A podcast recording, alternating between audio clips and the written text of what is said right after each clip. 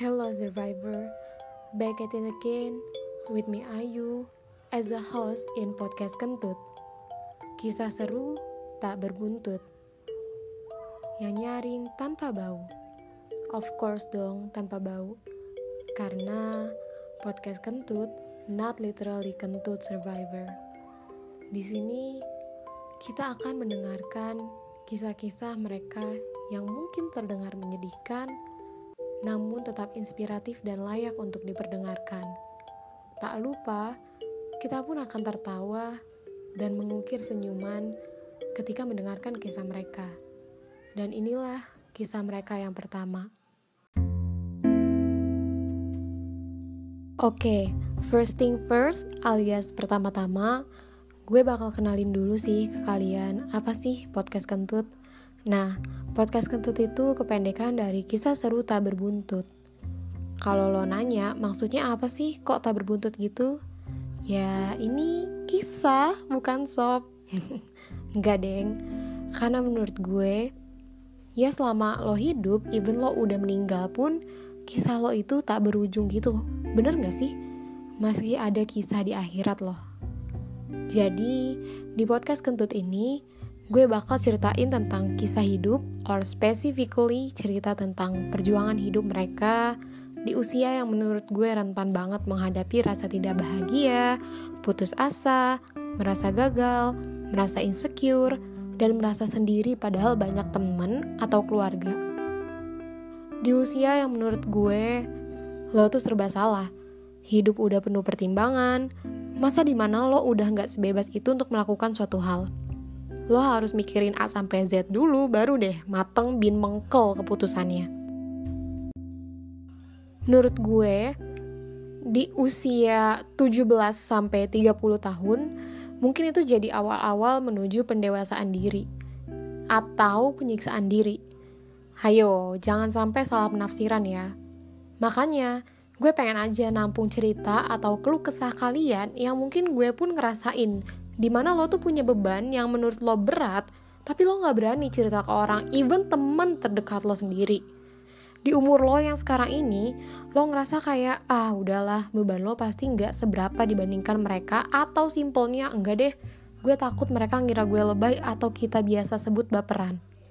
Gue pribadi sih tipe orang yang suka dengerin perjuangan hidup mereka yang menurut gue relate banget sama kehidupan gue sekarang. Dan sometimes I said like ih gue banget kok cerita dia mirip banget ya sama hidup gue nah dari situ gue mulai punya secerca harapan asik yang bisa bikin gue bangkit dan justru kadang seneng gitu ketika hidup harus banyak melakukan perjuangan setelah melihat mereka yang memang sukses tidak instan gitu Well, kenapa gue singkat jadi kentut? Ya karena gue emang bukan tipe orang yang serius. Gue tetap senang humor dan akan menyelipkan itu di podcast gue. Jadi ya kalian yang dengerin podcast gue, selain bakal merasa punya teman, dapat solusi, bisa bertahan, kalian juga terhibur. Itu sih goals gue. Oke, jadi setelah penjelasan singkat tentang podcast kentut tadi, sekarang gue mau masuk ke cerita pertama. Kayaknya nggak afdol ya kan kalau gue memperdalam atau mengulik kisah perjuangan orang-orang, tapi gue nggak menceritakan kisah gue terlebih dahulu. Asik. Kepo gak sih? Gue nggak bisa nih melo kayak gini. Nah for your information aja ya gue cerita gini harus menjauh dari orang-orang dulu supaya nggak kelihatan sedihnya. Maklum terkenal menghibur jadi sekalinya gue diem pasti berdampak banget sama orang-orang sekitar gue. Mana ada sih badut yang berhenti membuat orang tertawa? Kasarnya gitu. Eh udah masuk ke cerita nih kayaknya Ada nggak sih yang kayak gue juga selalu berusaha menghibur orang-orang di sekitar tanpa menghiraukan diri sendiri yang emang sedang tidak baik-baik saja? Pasti ada lah ya temen lo yang kalau lo terbiasa jadi pelawak, sekalinya lo murung mereka kecewa, bingung, kepikiran, bahkan stres terus bunuh diri. Enggak lah, padahal ya nggak semua hal harus kita tumpahin ke mereka, ya nggak sih? Kayak gue misalkan kecepirit di celana. Itu lucu kan? Tapi privacy dong. Masa image gue jadi Ayu yang suka kecepirit? Nggak banget kan? Oke, Jadi menurut gue menghibur itu butuh mood yang bagus dan pikiran yang jernih. Bahkan butuh persiapan materi. Enggak deh. Jadi sekalinya gue ada masalah yang menurut gue mengganggu pikiran gue, apa salah gue diem sebentar? Masa gue harus tetap ketawa hahaha sama kalian, tapi tiba-tiba pas pulang gue nyebur sungai? Eits, jangan suzon dulu karena ini cuma mandi aja ya. Siapa tahu ketemu sama bidadari. Menurut gue, mengistirahatkan diri itu penting.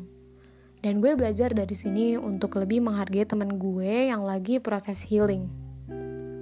Karena gue pun merasakan gak enaknya lo dipaksa terus untuk ceria. Kayak sesimpel lo lagi kumpul nih sama teman-teman. Tiba-tiba temen lo kentut. Kentutnya itu bau udang. Dan lo alergi udang.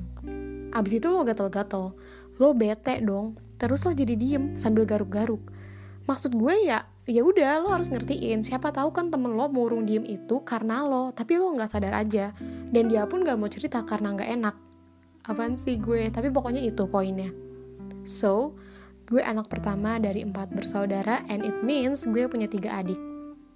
Aturan empat tapi meninggal satu alhamdulillah. Maksud gue di sini adalah alhamdulillah dia bisa jadi penyelamat untuk orang tua gue nanti di akhirat. Ayah gue seorang laki-laki. Nggak dia seorang wanita.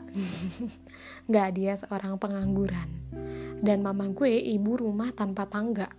Karena emang rumah kontrakan gue nggak tingkat adik gue yang pertama perempuan kelas 1 SMA adik gue yang kedua kelas 6 SD tahun depan dia masuk SMP yang terakhir perempuan dan dia belum sekolah. Wow. Oh iya by the way gue sekarang kuliah semester 5 jurusan komunikasi. Ayah gue itu tipe orang yang kalau lagi ada kerjaan uangnya mungkin bisa banyak. Tapi ya dalam setahun bisa aja dia nggak ada kerjaan kayak gitu alias kerja serabutan doang yang gajinya pas-pasan bukan pas lagi si ini ngepres awal mula ekonomi keluarga gue gak stabil itu pas gue kelas 4 SD. Persis kayak di sinetron, ayah gue dulu wira swasta, dia jualan motor, bukan hasil curian ya dan punya rental mobil, tapi karena dia sering ditipu temennya, akhirnya ya bangkrut. Gue dulu tinggal di Tangerang dan pas kelas 4 SD gue pindah ke Cilegon. Hidup gue di Cilegon bener-bener berubah drastis karena beda banget sama hidup gue yang dulu serba ada. Lanjut gue masuk SMP nah awal SMP mama gue jatuh sakit. Bukan jatuh cinta ya survivor. Mama sakit liver dan di situlah awal hidup gue yang harus merih. Gue ditinggal di Cilegon sendiri karena mama harus dirawat di Tangerang. Ayah sama adik-adik gue di sana semua nemenin mama dan emang keluarga besar gue di Tangerang. Mulai dari situ gue belajar hidup sendiri dan melakukan apa-apa sendiri. Mandi sendiri ya iya dong. Cuci baju sendiri. Masa cuci baju sekomplek? Apaan sih? Buat makan sendiri beres-beres rumah sendiri bahkan beli rumah sendiri. Enggak deng. Wah itu kacau sih. Tiap malam hal yang bikin gue sedih itu ketika mama selalu ngechat kak jangan lupa taruh lilin samping kamu jangan sampai ketiup ya takut mati enggak deng jangan sampai lupa takut mati lampu dan kunci pintu Coba deh kalian bayangin sedihnya digituin sama ibu yang kondisinya udah bener-bener lemah, letih, lesuh karena sakit parah. Sampai sekarang masih ngebekas sih di benak gue disuruh jaga lilin. Enggak deng. Waktu itu mama gue udah batuk darah terus dan saat kondisinya udah lemah banget, ayah maksain untuk berobat ke Bandung ke pengobatan alternatif. Alhamdulillah Allah angkat penyakit mama dan Allah angkat mobil ayah juga karena mobilnya dijual nggak apa-apa. Ayah adalah real survivor yang berjuang untuk istri tercintanya. Oke, dari situ kita ke kisah hidup gue selanjutnya yang menyedihkan. Gue pernah dikasihanin sama teman-teman gue yang hatinya baik-baik banget, peduli banget pas SMP karena sepatu gue jebol. Itu kalau ke sekolah nih, gue biasa ngobrol sama sepatu gue. Dan dia suka mangap-mangap buat jawab gue. Keren banget dan gue bersyukur banget sama Allah karena gue dikelilingi sama temen-temen dan sahabat-sahabat yang baik banget hatinya terus gue juga udah belajar dagang dari SMA gue jualan kaos kaki dan roti goreng. Karena gue sering minta uang ke ayah tapi ayah nggak ngasih karena emang gak punya uang. Hmm, atau pelit ya? Nggak dia emang nggak punya uang. Teman-teman gue juga suka maksa gue untuk ikut main. Mereka yang bayarin gue pokoknya sahabat-sahabat gue baik semua. Terima kasih semuanya. I love you guys so much. Gue tipe orang yang sudah terbiasa sama nggak punya uang sama sekali alias uang gue nol rupiah biasa aja sih apa yang salah gitu kan. Gue nggak punya malu aja udah biasa apalagi nggak punya uang. Gue bener-bener nggak ada masalah sama sekali dengan hal itu. Dari SMP sampai sekarang ini gue nggak ada laptop. Bertahan nugas ya nomaden aja gitu pakai laptop teman-teman gue gantian. Dan sekarang alhamdulillahnya om gue minjemin laptopnya untuk gue pakai walaupun memang tidak memadai. Apalagi untuk aplikasi desain atau editing tapi gue tetap bersyukur gue jurusan komunikasi jadi susah banget kalau ngerjain tugas dengan kondisi yang seperti ini apalagi saat pandemi susah banget minjem laptop temen-temen karena kan uh, mereka semua juga kuliah online kerjaan gue cuma bisa nangis kalau nggak bisa bukan gak bisa desain ya, tapi gak ada fasilitasnya. Dan setelah gue nangis, Allah selalu ngasih jalan untuk gue. Gak tau kenapa, terima kasih ya Allah, pokoknya terima kasih banget. Dan pernah gak sih lo punya suatu hal yang lo pendem? Contoh, gue pengen banget minta laptop, tapi kayak ngerasa, ah, gak usah deh, pasti gak akan dibeliin juga. Asik melo. Ayah gue tipe orang yang kayak gitu Walaupun gue udah bilang terus menerus, tapi tetap aja ya guys, semua tergantung uang. Kalau dia kaya, dia baik banget kok. Gue minta tanah pun kayaknya dikasih sih pasti. Ditambah sama pandemi ini, kuota gue nggak memadai dan gue dikasih uang jajan sama orang tua gue. Itu jarang. Kebayang dong sedihnya gimana tapi balik lagi, percuma gue ngeluh pun karena kondisi keuangan ayah gue tidak baik-baik saja. Akhirnya gue pendem sendiri dan berusaha cari jalan keluar sendiri. Kerjaannya tengah malam nangis kalau keciduk adik bilangnya abis baca cerita sedih. Padahal cerita hidup sendiri yang lagi gue ratapi. Bersyukur gue punya sahabat yang bisa diajak bisnis bareng. Akhirnya bareng sahabat gue, Putra, dan tentunya dengan modal yang dia punya, kita memutuskan untuk jadi dropshipper. Walaupun penghasilan per hari nggak banyak, tapi alhamdulillah bisa beli kuota mingguan dan beli kerbau. Nggak deh, gue jualan bakso aci juga, puding, roti goreng, dan roti Jepang. roti Jepangnya bercanda ya. Apa pun asal gue punya uang untuk kuliah gue selama di rumah aja untuk bayar SPP pun udah berapa semester ini emang ayah selalu minjem uang ke orang lain. Sebelumnya ayah dapat uang dari hasil jual rumah. Gue tahu effort ayah gue ini besar banget untuk bikin gue kayak sekarang. Apa pun dia lakukan, dia terbaik, dia terhebat. Titik. Gue pengen banget magang atau mengembangkan diri gue, tapi susah banget. Pernah gak sih lo capek untuk lakuin suatu hal karena fasilitas lo nggak memadai dan lo pun nggak bisa apa-apa gue magang dari rumah laptop nggak mumpuni magang ke kantor ayah gue nggak punya uang untuk itu karena kosan juga gue nggak lanjutin lagi terus gue mau maksimalin kemampuan desain gue pun nggak bisa kayak aplikasi Photoshop, InDesign, Corel Draw gue cuma tahu basicnya aja apalagi Adobe Premiere gue asing banget sama itu Buat kalian yang nggak tahu itu adalah aplikasi editing untuk desain maupun video. Gue susah banget deh untuk belajar karena teman-teman gue pakai laptopnya nggak bisa minjem gitu gue. Capek banget karena nyimpen semuanya sendiri. Tapi gue bersyukur banget sih banyak orang baik yang selalu jadi perantara Allah untuk nolongin gue. Saking baiknya ada temen gue yang aneh gitu menurut gue hidupnya.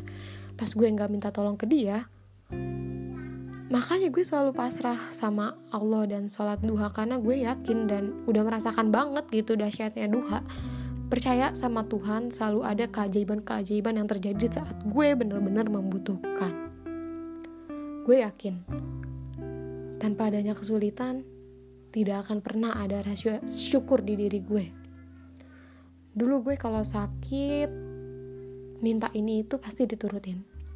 Sekarang gue jajan dikasih seribu aja udah seneng banget. Ini serius karena biasanya kalau gue minta jajan ayah gue ngasih seribu dua ribu paling banyak lima ribu. Dan gue jarang banget alhamdulillah sekarang minta kuota karena gue bisa beli sendiri yang penting di hidup gue adalah gue bisa beli bakso goreng alias basreng. Sekarang yang terpenting bagi gue adalah semua kebutuhan gue dicukupi sama Allah. Udah itu aja. Gue selalu berusaha legowo untuk menerima semuanya dan berusaha aja mencari jalan keluar. Itu yang bisa bikin gue bertahan hingga saat ini. Berdoa dan berserah diri sama Tuhan itu adalah yang terpenting. Tidak lupa menyusahkan teman karena itu adalah suatu bentuk usaha. Tapi bener loh itu itu suatu bentuk usaha kita gitu untuk mencari pinjaman ke teman. Itu aja sih pesan dari gue. Kalian gak sendirian. Masalah kalian pun pasti berat. Tapi yakinlah kalau kalian tuh mampu melewatinya. Terima kasih untuk kalian para survivor yang udah ngeluangin waktunya untuk dengerin kisah hidup gue ini. Mungkin kisah gue nggak ada apa-apanya dibanding kalian, dan mungkin kalian rasa gue kurang bersyukur. Kalian salah, karena gue kurang duit, bukan kurang bersyukur. Tapi, yang mau gue tekankan itu adalah lo gak boleh menganggap permasalahan orang lain itu sepele dan biasa aja. Karena seperti kita ketahui, Tuhan kasih manusia masalah sudah sesuai dengan kemampuan mereka masing-masing. Artinya adalah kekuatan orang itu berbeda-beda.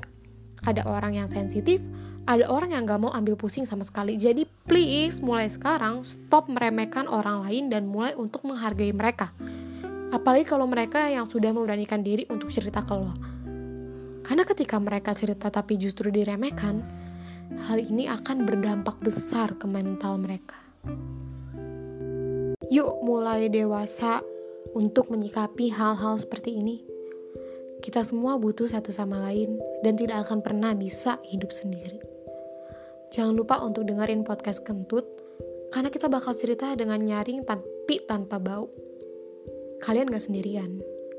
Kalian hanya belum menemukan seseorang yang sama seperti kalian. Nangis boleh, kesal boleh, tapi putus asa jangan.